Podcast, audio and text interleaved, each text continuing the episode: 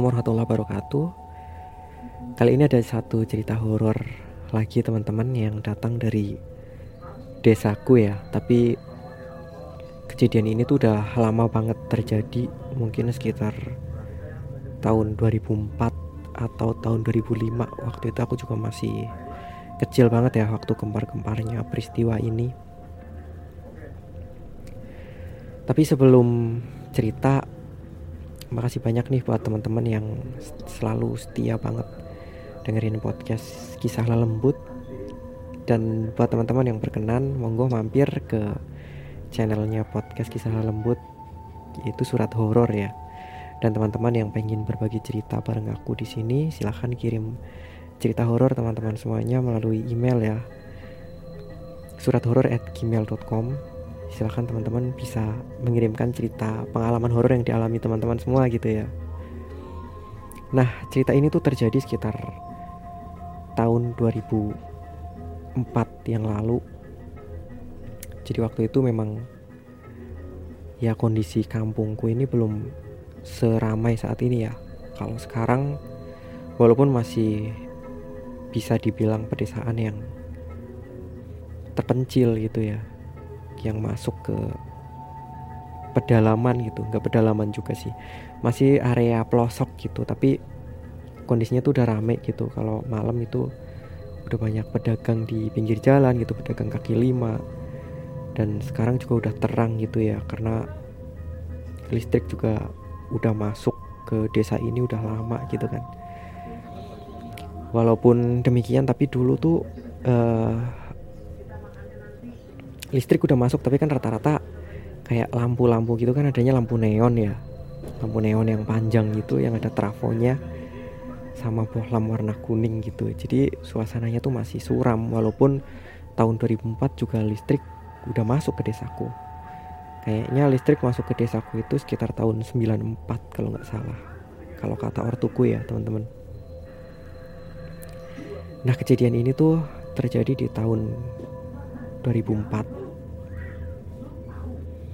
jadi suatu malam itu warga desa ya terutama ibu sama bapakku waktu itu aku lagi sakit ya jadi aku tuh lagi rewel. Kebetulan aku sendiri juga denger gitu. Aku rewel karena aku kan demam waktu itu jadi nggak bisa tidur gitu. Demam ditambah lagi kena cacar air teman-teman waktu itu. Nah waktu aku lagi nangis gitu tiba-tiba tuh ada suara lolongan ya. Lolongan yang hampir mirip kayak lolongan anjing. Tapi tuh suaranya keras banget suaranya tuh kenceng banget. Au gitu ya. Kenceng banget suaranya. Kalau dibilang kalau dibilang serigala itu nggak mungkin teman-teman ya. Karena desaku itu sebelah kiri kanannya itu desa semua gitu. Jadi ini tuh pedesaan yang padat penduduk dan jauh dari area hutan itu jauh. Mungkin dari desaku ke hutan itu sekitar 4 atau 5 kilo gitu. Jadi kan lumayan jauh gitu ya. Jadi kayaknya kalau itu serigala ya kemungkinannya sangat kecil gitu. Tapi suara itu tuh bener-bener kenceng banget. Seakan-akan kayak suara itu tuh memecah heningnya malam gitu kan. Kenceng banget suaranya dan setelah suara itu suara au itu ya itu di susul dengan suara seperti orang ngorok teman-teman. Tapi ya suaranya kencang banget ya kayak orang ngorok gitu. Kayak suara apa ya kayak suara kambing yang disembelih mungkin ya atau kerbau yang disembelih gitu. Nah ternyata malam itu tuh nggak cuma ibu sama bapakku sama aku yang dengar tapi ada beberapa tetangga desa yang dengar. Oh iya malam itu setelah dengar suara itu tuh aku langsung ketakutan ya teman-teman karena hawanya tuh langsung gak enak. Dan paginya ternyata waktu ibuku lagi beli sarapan itu gempar teman-teman ya. Kalau semalam tuh ada suara lolongan gitu. Gempar. Terus akhirnya udah tuh. Ya mungkin itu cuma lolongan anjing biasa gitu kan pikirnya warga-warga desa. Karena walaupun di desa di desa aku ya khususnya itu nggak ada yang punya anjing satupun warganya. Tapi mungkin anjing dari desa sebelah atau gimana gitu yang kebetulan uh, malam-malam mungkin ngejar sesuatu sampai ke desa ini. Ya nebaknya sih gitu warga desa gitu ya walaupun suaranya itu kalau suara anjing itu kayaknya nggak mungkin karena suaranya tuh bener-bener kencang banget teman-teman. Kayak kayak pakai apa ya? Kayak pakai sound system gede gitu yang dideketin di deket rumah kita gitulah ya. Gambarannya tuh seperti itu. Jadi keras banget suaranya. Dan udah singkat cerita hari itu pun berlalu gitu ya. Malam-malam berikutnya tuh aman nggak ada suara itu lagi nah sekitar satu minggu kemudian itu muncul suara itu lagi teman-teman muncul suara lolongan itu lagi suara auman itu lagi. Sampai akhirnya suara itu muncul beberapa kali dan warga tuh akhirnya ini ya. Warga tuh akhirnya kayak menandai gitu loh. Kalau suara itu tuh ternyata cenderung muncul di malam-malam Kliwon gitu teman-teman. Jadi kayak malam nggak cuma malam Jumat Kliwon teman-teman ya. Kayak malam Selasa Kliwon, Rabu Kliwon, termasuk di Jumat Kliwon gitu. Itu suara itu tuh muncul gitu. Nah, sampai akhirnya di suatu malam yang kebetulan malam Jumat Kliwon, beberapa warga tuh udah siap-siap gitu ya. Tapi siap-siapnya di rumahnya masing-masing. Ini pasti suara ini muncul nih nanti gitu. Nah, walaupun siap-siapnya di rumah masing-masing, tapi di rumahnya Pak RT tuh ada beberapa tokoh desa gitu yang melek di sana di rumahnya Pak RT cuma meleknya nggak terlalu berisik gitu ya pintu ditutup dan pakai lampu lampu lampu yang redup gitu jadi nggak terlalu mencolok banget gitulah ternyata sekitar jam satu malam teman-teman suara itu kembali muncul lagi kembali apa ya kembali mengaung lagi gitu au gitu kenceng banget nah di sana tuh uh, warga yang di rumahnya Pak RT itu langsung pada berhamburan gitu ya buat lihat kira-kira suara apa itu ya.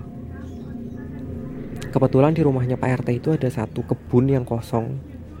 Itu perkebunan warga ya, walaupun kebun itu tuh nggak bisa dikatakan kebun yang ini ya, kebun yang penuh tanaman liar gitu tuh nggak. Itu kebun yang terawat tapi di sana tuh banyak tanaman yang gede-gede kayak pohon-pohon mangga gitu. Nah karena suaranya kebetulan di kebun itu ya sepertinya arahnya dari kebun itu warga tuh pada menuju ke sana dan ternyata warga tuh melihat satu sosok yang lari cepet banget. Itu sosok manusia tapi berkepala kuda teman-teman ya. Sosok manusia berkepala kuda. Dan kalau warga bilang itu sosok Aul gitu. Namanya tuh Aul ya. Mungkin uh, gambarannya beda-beda ya. Ada yang menggambarkan sosok Aul itu manusia berkepala serigala gitu tapi ini kebetulan tuh berkepala kuda tapi suaranya tuh kayak serigala teman-teman ya.